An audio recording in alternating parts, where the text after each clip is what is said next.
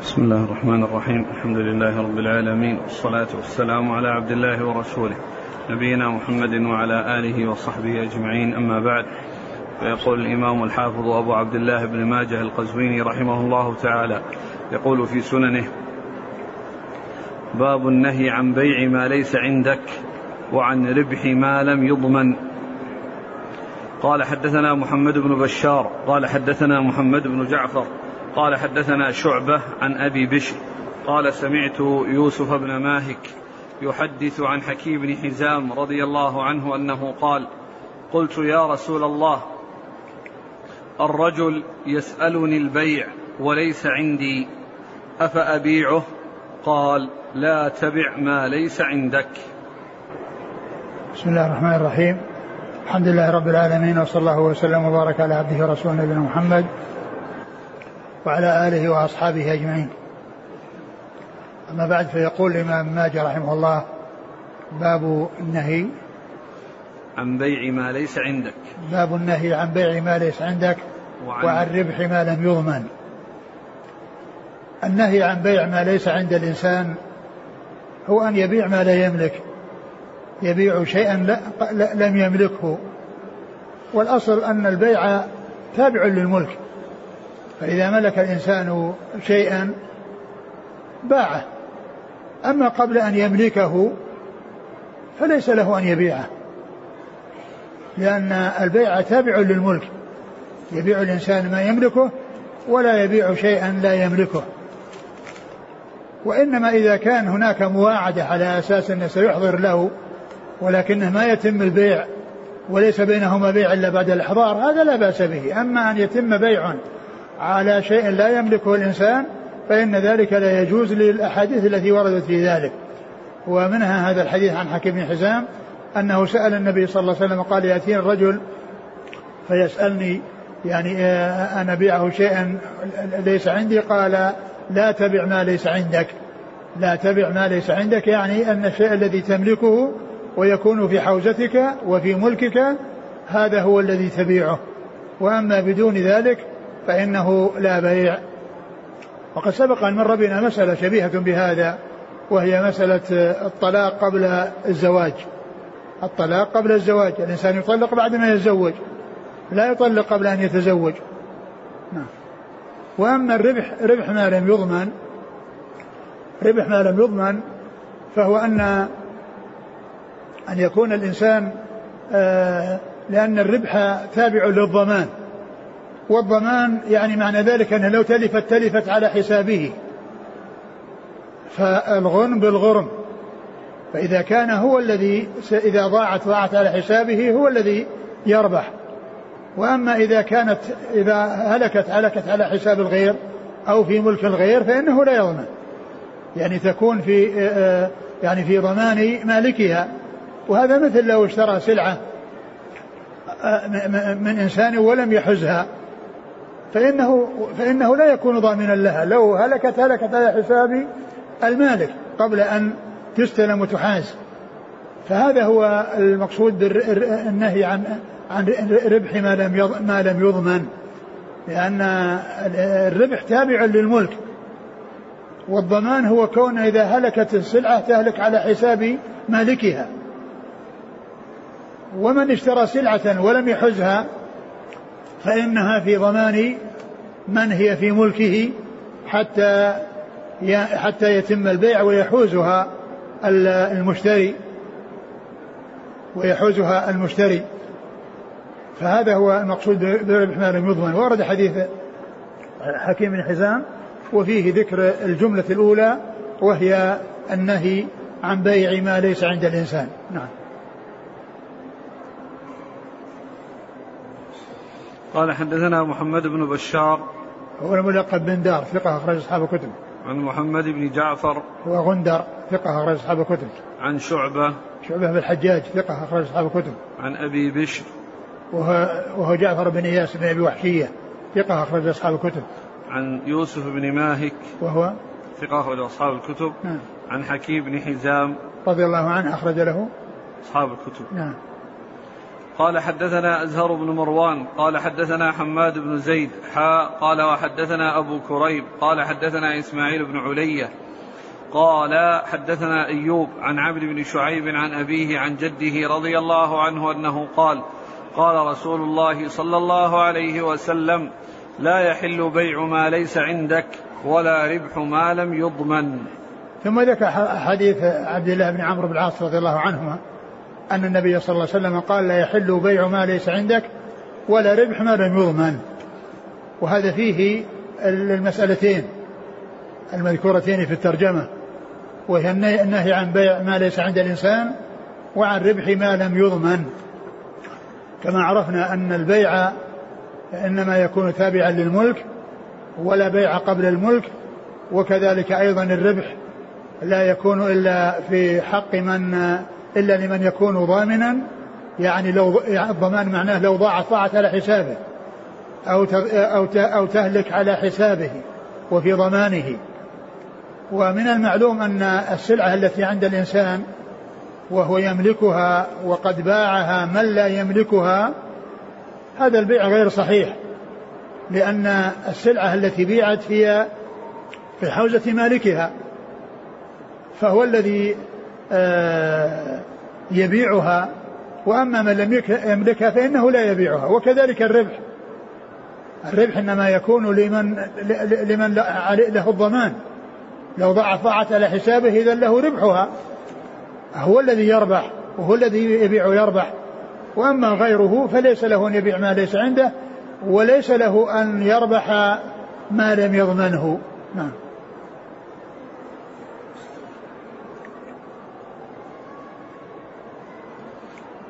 قال حدثنا أزهر بن مروان صدوق أخرج له. الترمذي وابن ماجه نعم. عن حماد بن زيد ثقة أخرج أصحاب الكتب. قال وحدثنا أبو كريب محمد بن العلاء بن كريب ثقة أخرج أصحاب الكتب. عن إسماعيل بن علية وهو ثقة إسماعيل بن إبراهيم مقسم الأسدي المشهور بابن علية ثقة أخرج أصحاب الكتب. عن أيوب بن أبي تميمة السختياني ثقة أخرج أصحاب الكتب. عن عمرو بن شعيب وهو صدوق أخرجه البخاري في جزء القراءة وأصحاب السنن. أبي. وأبوه شعيب بن محمد صدوق أخرجه البخاري في المفرد وجزء القراءة وأصحاب السنن. عن جده عبد الله بن عمرو رضي الله تعالى عنهما وهو أحد العباد له الأربعة من الصحابة وأخرج حديثه أصحاب الكتب الستة. قال حدثنا عثمان بن أبي شيبة قال حدثنا محمد بن الفضيل عن ليث عن عطاء عن عتاب بن أسيد رضي الله عنه أنه قال لما بعثه رسول الله صلى الله عليه وسلم إلى مكة نهاه عن شف ما لم يضمن. ثم ذكر حديث عتاب بن أسيد رضي الله عنه أن النبي صلى الله عليه وسلم بعثه إلى مكة نهاه عن شف ما لم يضمن يعني ربح. المراد بالشف الربح. يعني وهذا مثل الأحاديث السابقة.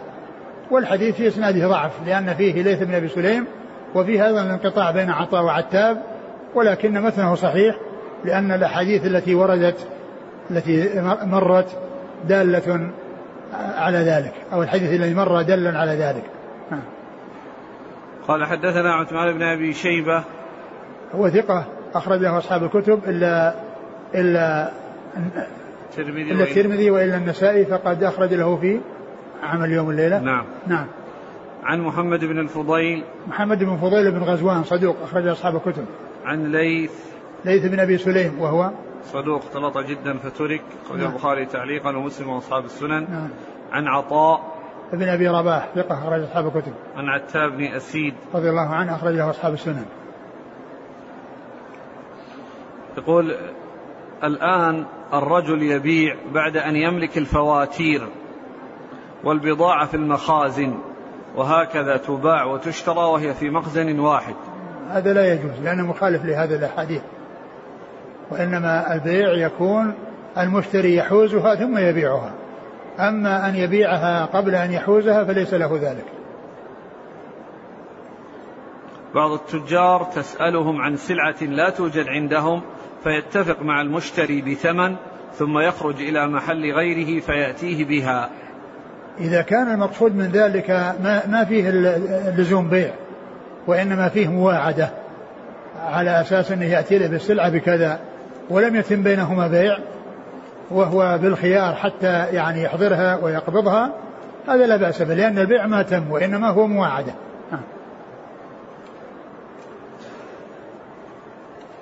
يقول إذا اعتبر البائع نفسه وكيلا في الشراء فهل يجوز وذلك بأن يقبض المال على أساس أنه يأتي له بالسلعة ولا يعتبره بيعا؟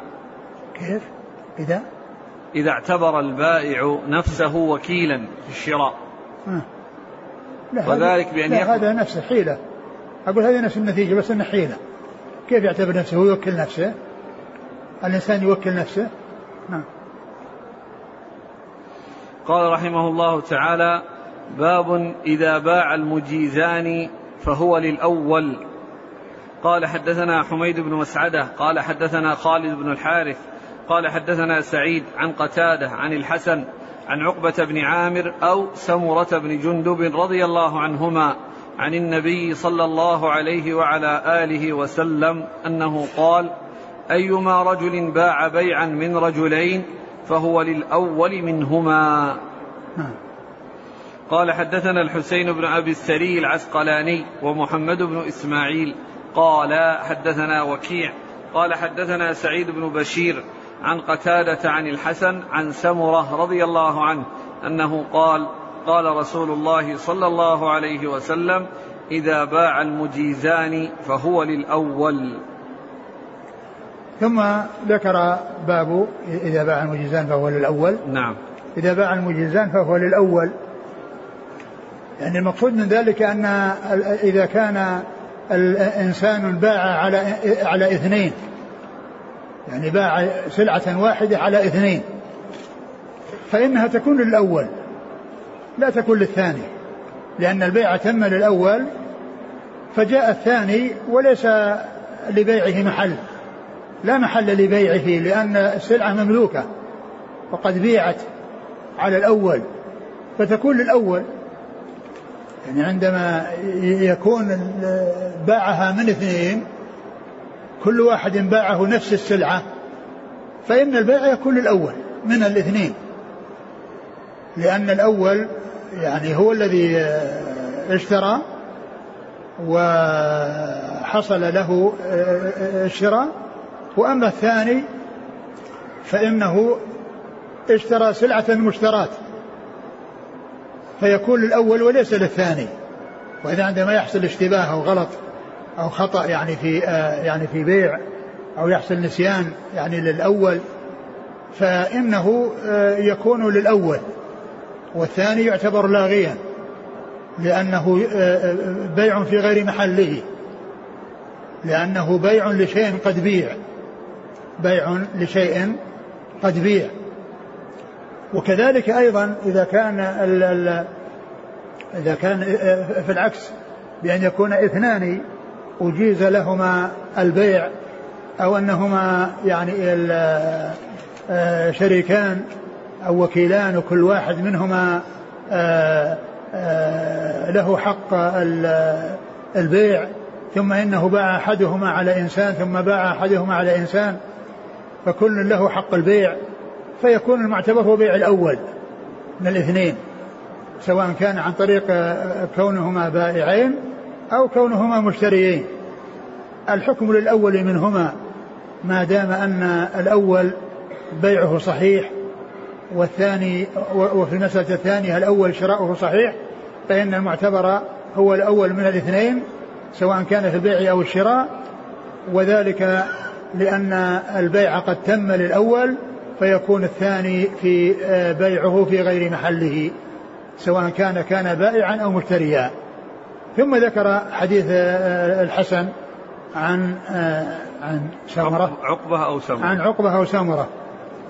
والحديث في إسناده الحسن عن سمرة وعن عقبة وهو مدلس وقد روى بالعنعنة فالحديث غير صحيح ولكن المعنى هو صحيح. يعني من ناحية أن الأول يعني صادف محله والثاني لم يصادف محله فيكون غير صحيح. نعم. قال حدثنا حميد بن مسعدة. هو صدوق أخرج حديث مسلم وأصحاب السنن عن خالد بن الحارث. وهو ثقة أخرج أصحاب الكتب. عن سعيد. عن من؟ عن قتادة. سعيد بن أبي عروبة ثقة أخرج أصحاب الكتب. عن قتادة ثقة أخرج أصحاب الكتب. عن الحسن. الحسن بن أبي الحسن ثقة أخرج أصحاب الكتب. عن عقبة بن عامر. عقبة بن عامر رضي الله عنه أخرج أصحاب الكتب. أو سمرة بن جندب. وسمرة أخرج أصحاب الكتب. لكن هنا حرف الجر بمعنى إيش؟ أيما رجل باع بيعا من رجلين فهو للأول منهما. يعني باع كأن كأن المشتريين يعني كأن الرجلين يعني المشتريين. يعني رجل باع من رجلين. وكلمة باع أحيانا يؤتى بها بمعنى ال يعني ال الشراء. آه نعم.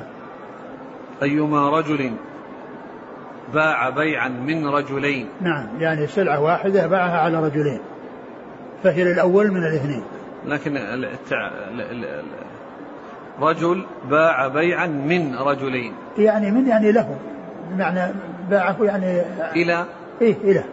يعني باع على كل واحد منهم. يعني باع بيعا من رجلين. لرجلين. إيه لرجلين نعم. وكما قلت لكم أيضا مستقيم يعني كون البائعين يعني آه اثنين والمشتريين يعني آه اثنين أو العكس بأن يكون للمشتريين اثنين الرجل باع على رجلين و فإنه للأول من البائع أو المشتري نعم. قال حدثنا الحسين بن أبي السري العسقلاني. هو؟ ضعيف رجل ابن ماجه. نعم. ومحمد بن إسماعيل. هو؟ ثقة رجل الترمذي والنسائي بن ماجه. نعم. عن وكيع. ابن الجراح ثقة أخرج أصحاب الكتب. عن سعيد بن بشير. هو؟ ضعيف رجل أصحاب السنن. نعم. عن قتادة عن الحسن عن سمرة. نعم. يعني ففيه الحسن وفيه أيضا هذا الذي دونه.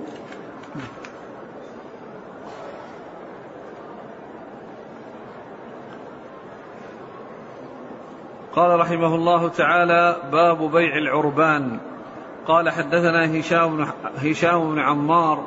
قال حدثنا مالك بن أنس. قال بلغني عن عمرو بن شعيب عن أبيه عن جده رضي الله عنه أن النبي صلى الله عليه وسلم نهى عن بيع العربان. نعم. قال حدثنا الفضل بن يعقوب الرخامي. قال حدثنا حبيب بن أبي حبيب أبو محمد كاتب مالك بن أنس. قال حدثنا عبد الله بن عامر الأسلمي عن عمرو بن شعيب عن أبيه عن جده رضي الله عنه أن النبي صلى الله عليه وسلم نهى عن بيع العربان. قال أبو عبد الله العربان أن يشتري الرجل دابة بمائه دينار فيعطيه دينارين عربونا ويقول فيقول إن لم أشتري الدابة فالديناران لك.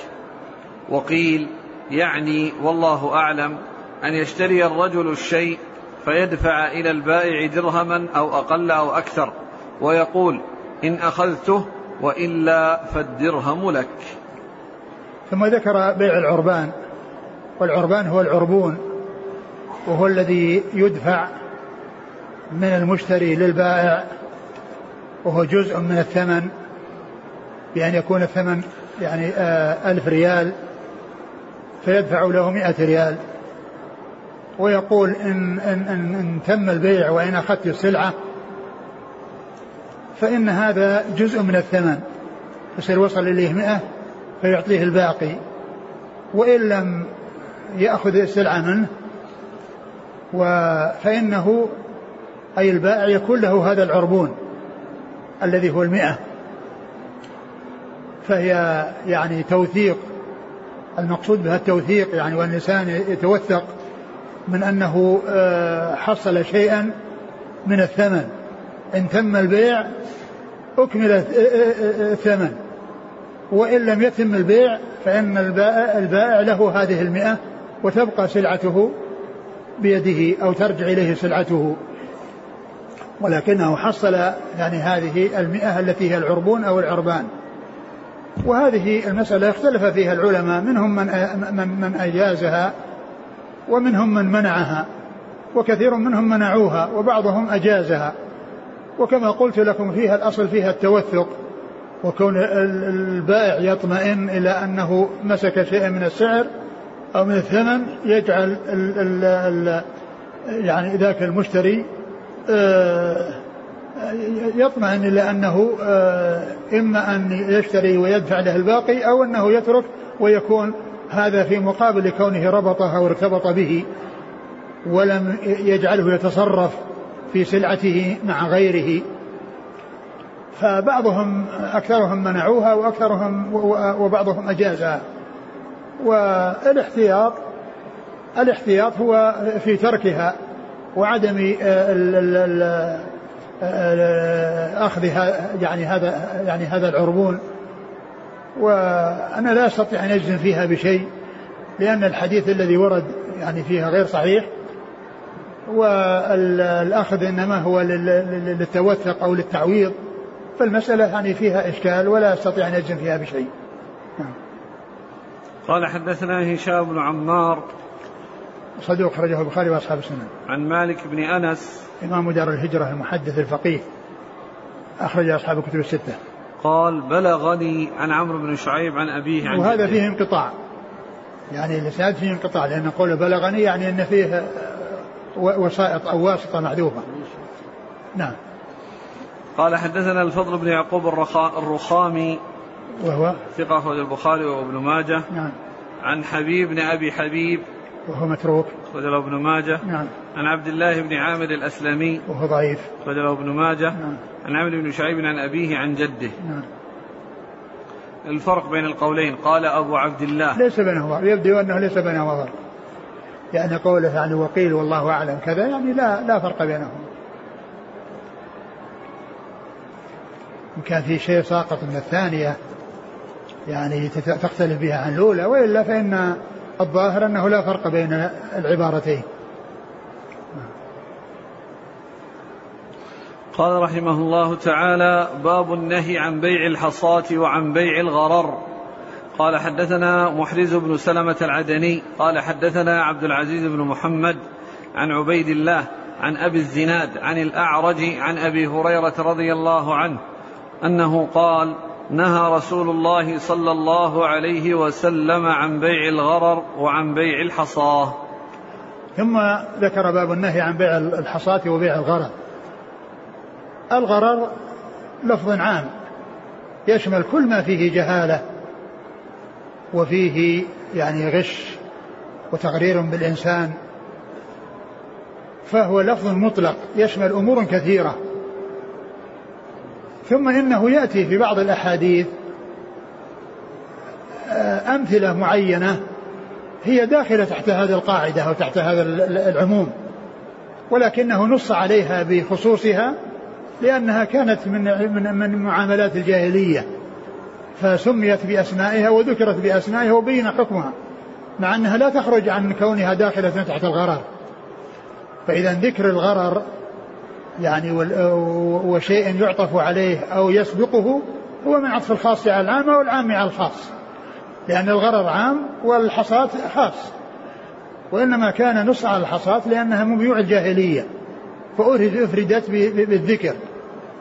لكنها داخلة تحت الغرر لا يقال إنها ليست من الغرر هي من الغرر ولكنها آه، نص عليها لأنها من البيوع المعينة التي كانت في الجاهلية. وقد جاء الإسلام بالقضاء أو بمنع كل ما كان فيه غرر سواء كان من معروف عند الجاهلية أو غير معروف عند الجاهلية ما دام أن فيه غرر. وقد جاء كما قلت أحاديث عديدة فيها أمور فيها غرر ولكنها سميت بأسماء خاصة لأنه آه لأنها كانت معاملة موجودة فنص عليها لكنها لا تخرج عن كونها من الغرر. ثم ذكر و آه، الحديث أن عن بيع الحصاة وبيع الغرر. نعم. عن بيع الحصاة. عن بيع الغرر وعن بيع الحصاة. عن بيع الغرر وعن بيع الحصاة. يعني بيع الحصاة هو داخل في بيع الغرر ولكنه أفرد آه، لأنه كان من بيوع الجاهلية فنص عليه فنص عليه وهو من عطف الخاص على العام. لأن الغرر عام وبيع الحصاة خاص. وفسر بيع الحصاة بأنهم كانوا يعني إذا كان مثلا قطيع من الغنم يعني يرمي حصاة والتي يقع عليها الحصاة التي تقع عليها الحصاة هي التي يتم عليها البيع. ففي ذلك غرر لأنه قد يقع على على رديئة. فهذا من جنس الملامسة التي مرت من بيع الجاهلية الملامسة والمنابلة فإذا قال يرمي الحصاة فما وقعت عليه من الشياه فإنها هي التي يكون عليها البيع. التي يكون عليها البيع. هذا هو المقصود. وقيل إن المقصود من ذلك أنه يقول إذا إذا إذا رميت الحصاة وجب البيع. إذا رميت الحصاة وجب البيع. فيكون يعني البيع أنيط بشيء مجهول. يعني متعلقا بفعل بفعل البائع. نعم. قال حدثنا محرز بن سلمة العدني. هو؟ صدوق يا ابن ماجه. نعم. عن عبد العزيز بن محمد. الدراوردي صدوق أخرج أصحاب الكتب. عن عبيد الله. بن عن نافع. عبيد الله عن أبي الزناد. عبيد الله هو العمري. وهو ثقة أخرج أصحاب الكتب. عن أبي الزناد. أبو الزناد هو عبد الله بن ذكوان المدني. ثقة أخرج أصحاب الكتب وأبو الزناد لقب وكنيته أبو عبد الرحمن ولكنها ولكنه لقب على صيغة الكنية وليس بكنية. نعم. عن الأعرج. الأعرج آه، عبد الرحمن بن هرمز المدني ثقة أخرج أصحاب الكتب. عن أبي هريرة. نعم. قال حدثنا أبو كريب والعباس بن عبد العظيم العنبري قال حدثنا الأسود بن عامر قال حدثنا أيوب بن عتبة عن يحيى بن أبي كثير عن عطاء عن ابن عباس رضي الله عنهما أنه قال نهى رسول الله صلى الله عليه وعلى آله وسلم عن بيع الغرر. ثم ذكر هذا الحديث عن ابن عباس. عن ابن عباس أن النبي صلى الله عليه وسلم نهى عن بيع الغرر وهو مثل الذي قبله وفي إسناده ضعف ولكن متنه صحيح. بالذي قبله. نعم. قال حدثنا أبو كريب محمد بن العلاء بن كريب ثقة أخرج أصحاب الكتب. والعباس بن عبد العظيم العنبري ثقة أخرجه البخاري تعليقا ومسلم وأصحاب السنن. عن الأسود بن عامر وهو؟ ثقة أخرج أصحاب الكتب. عن أيوب بن عتبة وهو؟ ضعيف رجل ابن ماجه. نعم. عن يحيى بن أبي كثير اليمامي ثقة أخرج أصحاب الكتب. عن عطاء عن ابن عباس. نعم.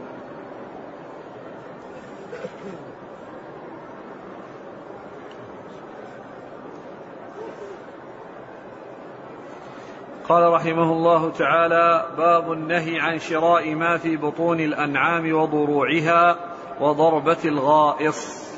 قال حدثنا هشام بن عمار قال حدثنا حاتم بن إسماعيل قال حدثنا جهض بن عبد الله اليمامي عن محمد بن إبراهيم الباهلي عن محمد بن زيد العبدي عن شهر بن حوشب عن أبي سعيد الخدري رضي الله عنه أنه قال نهى رسول الله صلى الله عليه وعلى آله وسلم عن شراء ما في بطون الأنعام حتى تضع وعما في ضروعها إلا بكيل وعن شراء العبد وهو آبق وعن شراء المغانم حتى تقسم وعن شراء الصدقات حتى تقبض وعن ضربة الغائص.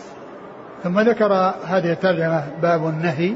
عن شراء ما في بطون الأنعام وضروعها وضربة الغائص. باب النهي عن شراء ما في بطون الأنعام وما في ضروعها وعن ضربة الغائص. آه ما في بطون بهيمة الأنعام يبيعه ولد آه, آه، ولد البقرة أو الناقة أو الشاة الذي في بطنها. يعني يبيعه نفس الذي في بطنها. لأن هذا مجهول وفي غرض وغير مقدور على تسليمه وقد يكون أنه ليس فيها حمل قد يكون فيه نفاخ وقد يكون حيا وقد يكون ميتا وقد يخرج حيا ويخرج يخرج ميتا ففيه غرر وجهالة فلا يجوز. لكن إذا بيعت وما في بطنها يدخل تبعا. إذا بيعت هي وما في بطنها يدخل تبعا أما أن يباع وحده يقول بعتك ما في بطن هذه الشاة. هذا لا يجوز لأن فيه غرر وفيه جهالة. فقد لا يكون في بطنها شيء وقد يكون في بطنها شيء ميت وقد يكون حيا و ويخرج حيا أو ميتا وعلى كل حال ففيه جهالة وفيه غرر. فذلك لا يجوز حتى تلد وإذا ولدت يبيع الموجود. يبيع المولود الذي ولد. أما أن يباع وهو في بطنها فهذا من بيوع الغرار. وعن وضروعها ما في وكذلك ما في ضروعها من من الحليب. يعني بأن لأن هذا فيه جهالة. يعني إلا بالكيل يعني إذا كان إنه يعني آه يخرج يعني هذا ويبيع بالكيل هذا لا بأس به لأنه شيء معلوم. يعني كيل يعني مقدار يعني مكيال يعني ال مكيال بكذا لا بأس به. أما أن يشتري ما في الضروع وهو شيء يعني مجهول وقد آه، وقد يخرج شيء وقد لا يخرج شيء وقد يخرج قليلا وقد يخرج كثيرا فالجهالة موجودة لا يجوز ذلك. و وعن ضربة الغائص. وعن ضربة الغائص. يعني يعني يأتي الغائص ويقول مثلا لشخص أغوص هذه الغوصة في البحر والذي أخرجه يعني هو مبيع عليك بكذا. هذا لا يجوز لأنه لا يدرى إيش إيش إيش يخرج به الغائص. هذا الذي يغص البحر إيش يخرج بهذه الغوصة؟ هذا شيء مجهول. فكل هذه من الأمور من البيوع التي لا تجوز لأن فيها الجهالة وفيها الغرار. ثم ذكر هذا الحديث المشتمل على هذه الأمور الثلاثة وعلى غيرها. نهى رسول الله صلى الله عليه وسلم عن شراء ما في بطون الأنعام حتى تضع. نعم. وعما في ضروعها إلا بكيل. نعم. وعن شراء العبد وهو آبق. وعن شراء العبد وهو آبق. عبد يعني آه، منفرد من صاحبه. لا يجوز أن يبيعه لأنه قد لا يأتي. لأنه لا يقدر على تسليمه.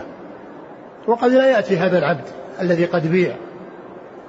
والبيع يكون على شيء موجود يملكه يقدر على تسليمه. والعبد البائق البائق الآبق لا يقدر على تسليمه فلا يجوز بيعه. ليس بمقدور على تسليمه فلا يجوز بيعه. نعم. وعن شراء المغانم حتى تقسم. وعن شراء المغانم حتى تقسم. إنسان له نصيب من المغنم فيبيع نصيبه. يبيع نصيبه وهو مجهول ولا يدرى عنه إيش يكون. فكذلك حتى تقسم ويعرف البائع نصيبه من المغنم فيبيعه. نعم. وعن شراء الصدقات حتى تقبض. وعن شراء وعن؟ شراء الصدقات حتى تقبض. وعن شراء الصدقات حتى تقبض. وعن شراء الصدقات حتى تقبض. إنسان يعني آه، يتصدق عليه بشيء فلا يبيعه حتى يقبضه. لا يعني يعني حتى يقبضه لا يبيع شيئا يعني لا يملكه ولم يصل إلى ملكه.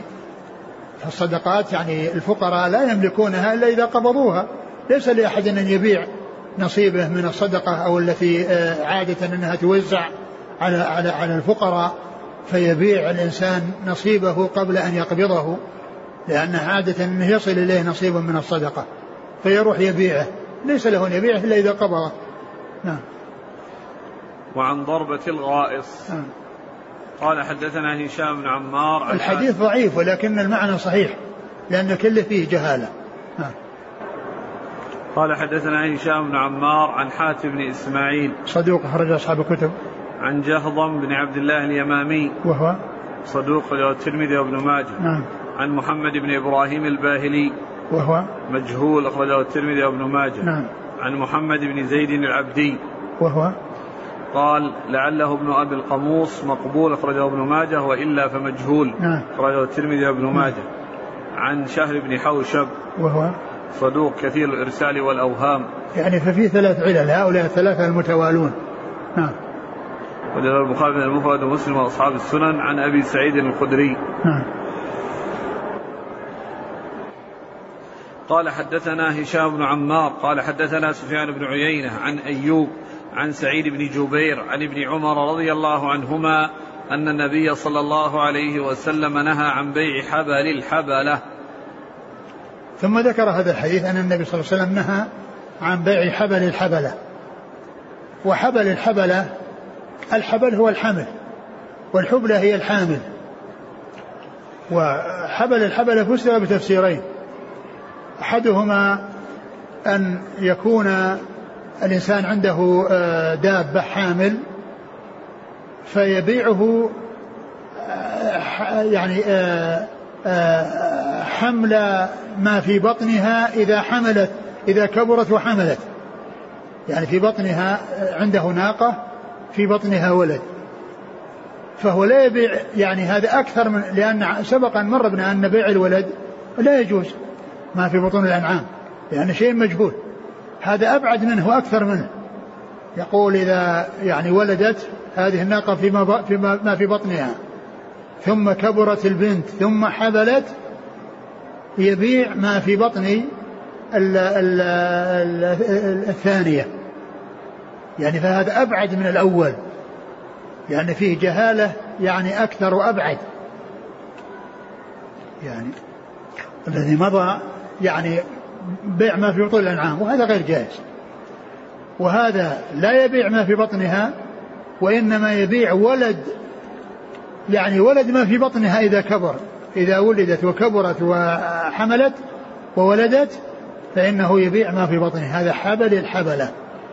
يعني أن الحبلة يعني ناقة حامل فإذا ولدت فإن حبل ما في بطنها هو الذي يباع.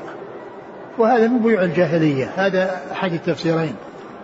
والثاني أن يباع شيء ولكن يجعل له أجل مجهول. يعني يقول إذا إذا إذا حصل يعني ولد ولد ما في بطن هذه الناقة. إذا جاء ولد ولد ما ولد ولد ما في بطن هذه الناقة يعني حل الأجل. لأن الأجل لابد أن يكون معلوما وهذا أجل مجهول. فكل منهما غير صحيح وهو من بيوع الجاهلية. نعم. قال حدثنا هشام بن عمار عن سفيان بن عيينة عن أيوب. آه سفيان بن عيينة ثقة أخرج أصحاب الكتب وأيوب بن أبي ثمان السختياني ثقة أخرج أصحاب الكتب. عن سعيد بن جبير. ثقة أخرج أصحاب الكتب. عن ابن عمر. نعم. يقول السائل أهل الغنم يبيعون الغنم بالجملة على الصفة الآتية. يأتي أحد ليشتري غنم بالجملة فيقول البائع ما خرج من هذه الحظيرة فهو بكذا. فهل يعتبر من الغرر؟ نعم من الغرر. هذا مثل بيع الحصاة هذا مثل بيع الحصاة يعني من الحصاة اللي تقع عليه وهذا الذي خرج. يعني إذا فتح الباب يمكن يخرج شيء سيء. يقول لو بعت شاة حاملة فضاعفت السعر لكونها حامل هل يجوز؟ إذا كان إذا إذا, كان يعني آه، آآ آه، السعر هذا يعني آه، تستحقه وذاك يعني راغب فيها لأنها تستحق يعني هذا المقدار أما إذا كان المشتري جاهل وليس عنده علم وضاعفه وهو يعني غير خبير فإن هذا فيه الغبن ومعلوم أن السعر يعني ليس السعر الذي في البطن يعني مثل السعر التي آه، الدابة نفسها. يعني آه، آه، أقول فرق بين بين سعرها وسعر ما في بطنها. لكن إذا كان أن, أن, أن هذا يعني ليس خبير وأنه يعرف أن هذه الأسعار وأنه ليس في تغرير به وأنه ليس يعني صاحب معرفة ثم غرر به يجوز. يقول إذا كانت البقرة تدر بشكل يومي مألوف عشر لترات فأصبح صاحبها يقبض ثمنها عشر ريالات في الليل قبل الحلب هل هذا جائز؟ لا. ليس ليس له يعني ذلك. يعني كما قلنا إذا كان يعني هو بعد الحلب. يعني بعد الحلب يعني بالكيل. نعم. هذا سؤال قريب منه. يقول في بلادنا نحجز عند بائع الحليب البقري ونعطيه سعر المقدار الذي نريده والأبقار في المرعى. فإذا حلبوا أعطونا المقدار الذي حجزناه. هذا ما في بأس. يعني يكون الإنسان يعني يشتري مثلا كيلو أو كيلوين ومعروف أن, أن, أن هذه يأتي منها فهو يعني يقدم يعني شيء من أجل حجزه والاطمئنان إلى أنه آه يعني آه، حصله هذا لا بأس به لأن هذا شيء موصوف في الذمة ومعروف أنه حاصل. حاصل طلاب الجامعة يسألون عن البونات. هل هو من الغرر؟ البونات التي تعطى للأكل هذه واضح أن الإنسان يقدمها في يومها ويحصل ما في ما في هذا الذي يقال له البون هذا ما فيه إشكال لا محذور فيه. أي إشكال في هذا؟ الإشكال في قضية أنه يدفع لمدة شهر كامل قيمة البون وربما بعض الوجبات لا يحضرها ما في بأس. عليه. ما في بأس لأن الناس سيطبخون على حسب هذا هذا العرض أو هذا الطلب. لأن أولئك كيف لأنه إذا كان ما حصل شيء يبنون عليه يضيع الذي يطبخونه أو ينقص وهم يعرفون المقدار ويبنون عليه. هذا عمل صحيح. وليس وليس من قبيل الغرض والإنسان يأتي يأكل وإذا ما أكل فهم صانعين الطعام. الطعام مصنوع له سواء جاء أخذه وما أخذه. نعم. قال رحمه الله تعالى باب بيع المزايدة. قال حدثنا هشام بن عمار قال حدثنا عيسى بن يونس قال حدثنا الأخضر بن عجلان قال حدثنا أبو بكر الحنفي عن أنس بن مالك رضي الله عنه أن رجلا من الأنصار جاء إلى النبي صلى الله عليه وسلم يسأله فقال لك في بيتك شيء؟ قال بلى. حلس نلبس بعضه ونبسط بعضه وقدح نشرب فيه الماء. قال ائتني بهما. قال فأتاه بهما. فأخذهما رسول الله صلى الله عليه وسلم بيده. ثم قال من يشتري هذين؟ فقال رجل أنا آخذه أنا آخذهما بدرهم. قال من يزيد على درهم مرتين أو ثلاثا قال رجل أنا آخذهما بدرهمين فأعطاهما إياه فأخذ الدرهمين فأعطاهما الأنصاري وقال اشتر بأحدهما طعاما فانبذه إلى أهلك واشتر بالآخر قدوما فأتني به ففعل فأخذه رسول الله صلى الله عليه وسلم فشد فيه عودا بيده وقال اذهب فاحتطب. ولا أراك خمسة عشر يوما فجعل يحتطب ويبيع فجاء وقد أصاب عشرة دراهم فقال اشتر ببعضها طعاما وببعضها ثوبا ثم قال هذا خير لك من أن تجيء والمسألة نكتة في وجهك يوم القيامة إن المسألة لا تصلح إلا لذي فقر مدقع أو لذي غرم مفضع أو مدقع أو لذي دم موجع. أو لذي دم موجع. ثم ذكر المزايدة باب بيع المزايدة. نعم. بيع المزايدة. والمزايدة الذي يقال لها في هذا الزمان الحراج. يعني سلعة يمسكها المنادي فيقول من من من يسوم فيقال بكذا ثم بكذا ثم بكذا ثم يبيعها إذا وقفت إذا أراد أن يبيعها وإلا رجع بها. وهذا هذا هو الذي يقال له المزايدة من يزيد؟ لأنه مزايدة لأنه من يزيد. ف وهو سائغ وقد جاءت به السنة. وهذا الحديث الذي أورده المصنف في هذا الموضوع ولكنه فيه ضعف. وش مثله؟ قال إن إن إن, إن رجلا جاء إليه يسأله فقال هل عندك في بيتك شيء؟ قال عندنا حلس و و و نلبس بعضه ونبسط بعضه. و وقدح نشرب فيه الماء. نعم حلس نلبس بعضه ونبسط بعضه وقدح نشرب فيه الماء. قال ائتني بهما فأتاه بهما فأخذهما النبي صلى الله عليه وسلم بيده وجعل ينادي من يزيد. من؟ فقال أنا أشتريهما من يشتريهما؟ قال أشتريهما بدرهم. فقال النبي صلى الله عليه وسلم من يزيد؟ مرتين أو ثلاثا. فقال رجل أنا أشتريهما بدرهمين. فأعطاهما إياه وأخذ الدرهمين وأعطاهما الرجل. وقال اشتر بأحد الدرهمين طعام لأهلك واشتر بالثاني قدوما. والقدوم هو الذي آه، الحديد الذي يقطع به الشجر. يعني آه، اسم آه، يعني مثل الفأس. يعني أو بمعنى الفأس يقطع بها الشجر ويحتطب بها الحطب ويكسر بها الحطب.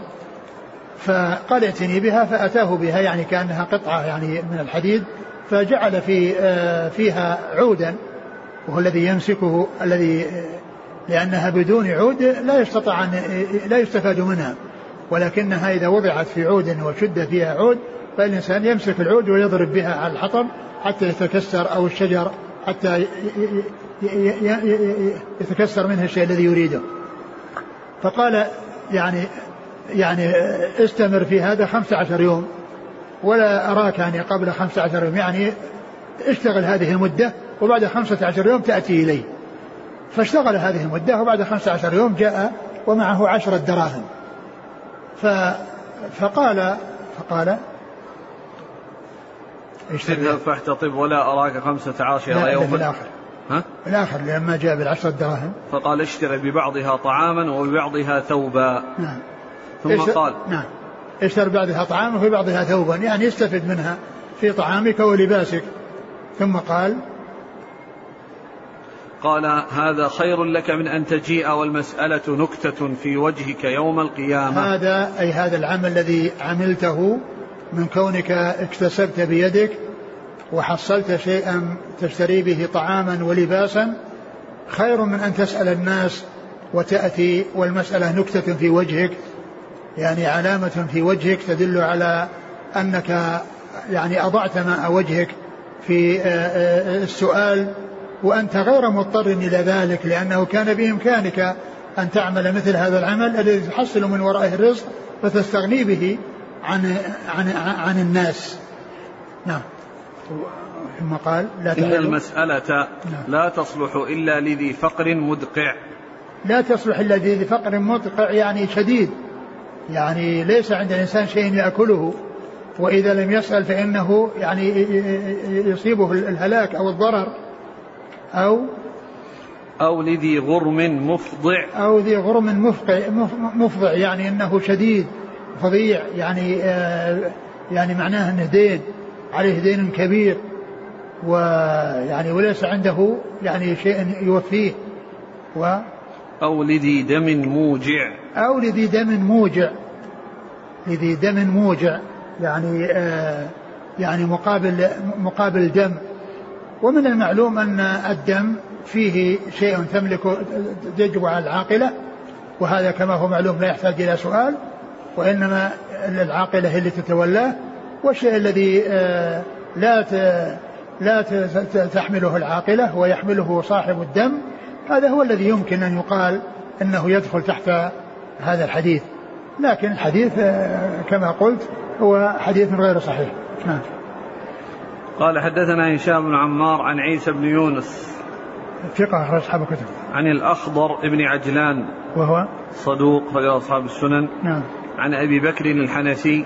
وهو ضعيف. لا يعرف حاله. لا يعرف حاله. نعم مجهول. نعم. أخرج أصحاب السنن. نعم. عن أنس بن مالك. نعم. قال رحمه الله تعالى باب الإقالة. قال حدثنا زياد بن يحيى أبو الخطاب. قال حدثنا مالك بن سعير. قال حدثنا الأعمش عن أبي صالح عن أبي هريرة رضي الله عنه أنه قال قال رسول الله صلى الله عليه وسلم من أقال مسلما أقال الله عثرته يوم القيامة. ثم ذكر باب من أقال. باب الإقالة. باب الإقالة. والمقصود بالإقالة يعني إقالة البيع. يعني إنسان اشترى سلعة ثم ندم على شرائها والبيع قد ثبت ولم يبق إلا أن آه، يوافق صاحب البيع على ترك البيع وأن يقبض السلعة. هذه هي الإقالة. لأنه آه، البيع لزم وليس له حق رد السلعة ولكن المشتري آه، حصل له أمر يقتضي كونه يتخلص من هذه السلعة فلم يبق إلا يعني أن آه، يرجع فيرجع فيرجع إلى البائع ويطلب منه أن يعفيه من هذا البيع وأن يرد عليه سلعته يرد عليه سلعته ويرد عليه نقوده. فهذا جاءت السنة في الترغيب فيه وفيها منه هذا الحديث من قال من قال مسلما قال الله عثرته يوم قال الله عثرته يوم القيامة. يعني معناه أنه يعني يجازى الجزاء من جنس العمل لأنه أقال هنا بيعا فيقال عثرة يعني آه يعني ذنوبه وأخطاءه. يتجاوز الله تعالى عنه لأنه أقال إنسانا بيعته فهذا فيه الجزاء من جنس العمل لأن البيع لأن العمل إقالة والجزاء إقالة. نعم. قال حدثنا زياد بن يحيى أبو الخطاب. وهو ثقة أخرج أصحاب الكتب وهو شيخ لأصحاب الكتب وهو شيخ لأصحاب الكتب. عن مالك بن سعير. مالك بن سعير هو لا بأس به أخرج له البخاري وأبو داود في القدر والترمذي والنسائي بن ماجه. نعم. عن الأعمش. وأبوه سعير بن الخمس. سعير بن الخمس. يعني اسمه واسم أبيه من الأسماء المفردة التي لم تتكرر لا تتكرر التسمية بها. هذه يقال له الأسماء المفردة. يعني سعير والخمس. وسعير بن الخمس هذا من رجال من رجال مسلم أخرج له مسلم في صحيحه. وقد ذكر في ترجمته أنه أغمي عليه فظنوه ميتا فغسلوه وكفنوه ثم بعد ذلك تحرك فكشفوا عنه الكفن وعاد إلى إلى ما هو عليه وبعد ذلك ولد له ابنه مالك هذا يعني بعد هذا الذي قد حصل له ولد له مالك هذا الذي هو في عندنا في الإسناد. مالك بن سعير بن خمس ولد بعد هذا الذي حصل لأبيه من كونه ظن أنه قد مات وغسل وكفن ثم بعد ذلك تحرك وكشف عنه وعاد إلى ما كان عليه ثم عاش وولد له ابنه مالك.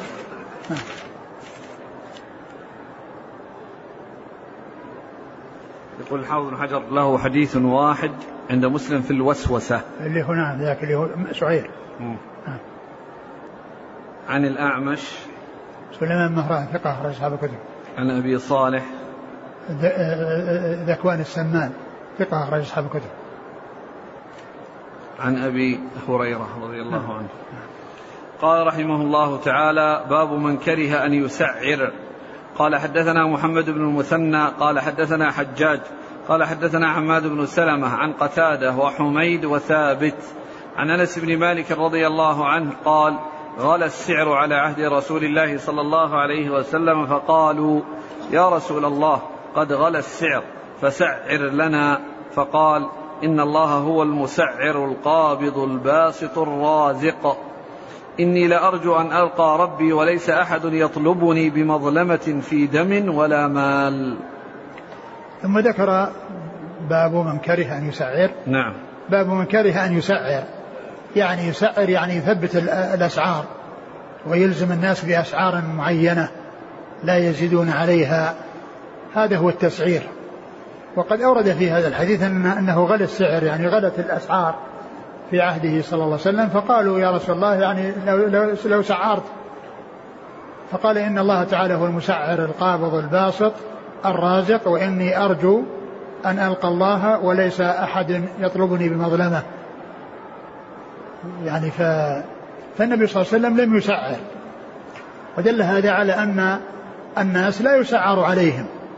لكن إذا تواطأ التجار على رفع السعر وعلى يعني البيع بشيء يعني غير الذي آه، هو البيع المعتاد باتفاق أصحاب الأماكن أو المحلات التجارية بأن يرفعوا الأسعار على الناس ويتواطؤون عليه والسعر يعني كان معلوم وليس هناك شيء جديد يعني آه، يقتضي ذلك إلا الجشع الذي حصل من التجار فلهم أن يمنعوا من, أن من هذا الاتفاق لأن هذا من التعاون على الإثم والعدوان لأن هذا من التعاون على الإثم والعدوان ومن الإضرار بالناس. أما إذا لم يكن هناك أمر يقتضيه وليس هناك إلا يعني قلة كما يقولون قل يعني كثر الطلب وقل العرض. كثر الطلب وقل العرض ف, ف يعني ارتفعت الأسعار. فإن هذا يعني لا يسعر فيه وإنما يسعر فيما إذا تواطأ التجار على أن يرفعوا الأسعار. و آه، يظلم الناس بأخذ أشياء أو أرباح يعني كثيرة بناء على تواطؤهم واتفاقهم على هذا الذي فيه إضرار بالناس. نعم.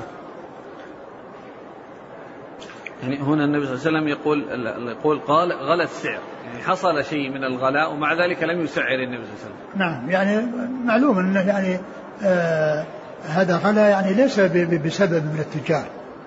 يعني نعم ارتفعت الأسعار معلوم أن ارتفاع الأسعار أن يقل الشيء فتكثر الحاجة إليه أو يكثر فت... فت... أو تقل الحاجة إليه فيكون بالعكس. وهنا يعني غلا السعر لأنه ما وجد يعني آه ما وجد يعني آه شيء أو إمداد يعني للأسواق. نعم. هذه الأربع أسماء المسعر القابض الباسط الرازق. الرازق الله تعالى هو الرازق ويدل على على صيغة الرزق. والقبض والبسط يعني متقابلان اسمان متقابلان. لأن الباسط يعني بسط الرزق وتوسيعه والقابض الذي هو يعني قبضه ويعني عدم توسيعه. والتسعير يعني هو إلزام الناس أو تحديد آه، الناس. فهو فعل من أفعال الله لكنه آه، هل يقال إنه اسم من أسماء الله؟ ما ما يعني ما ما أدري. نعم. تعليل النبي صلى الله عليه وسلم إني لأرجو أن ألقى ربي وليس أحد يطلب مظلمه يعني إن التسعير لأنه نعم لأنه كونه يلزم الناس بشيء قد يكون في ظلم لهم. قد يكون فيه ظلم لهم. قال حدثنا محمد بن المثنى أبو موسى العنزي الملقب الزمن ثقة أخرج أصحاب الكتب وهو شيخ لأصحاب الكتب. عن حجاج. حجاج بن منهال ثقة أخرج أصحاب الكتب. عن حماد بن سلمة. ثقة أخرجه البخاري تعليقا ومسلم وأصحاب السنن. عن قتادة. بن دعامة السدوسي ثقة أخرج أصحاب الكتب. وحميد. حميد بن أبي حميد الطويل ثقة أخرج أصحاب الكتب. ثابت وثابت. وثابت بن أسلم البناني ثقة أخرج أصحاب الكتب. عن أنس بن مالك. نعم. قال حدثنا محمد بن زياد قال حدثنا عبد الأعلى عن سعيد عن قتادة عن أبي نضرة عن أبي سعيد رضي الله عنه أنه قال غلى السعر على عهد رسول الله صلى الله عليه وسلم فقالوا لو قومت يا رسول الله. قال إني لأرجو أن أفارقكم ولا يطلبني أحد منكم بمظلمة ظلمته. ثم ذكر الحديث وفيه أنه قال لو قومت يعني حددت القيم. والأسعار والأثمان يعني مثل سعرت قومت مثل سعرت لأن التسعير تحديد القيمة وتحديد السعر والتقويم هو تحديد القيمة. وتحديد القيمة. نعم. قال حدثنا محمد بن زياد. هو؟ صدوق يخطئ أخرج البخاري وابن ماجه. نعم. عن عبد الأعلى. ابن عبد الأعلى ثقة أخرج أصحاب الكتب.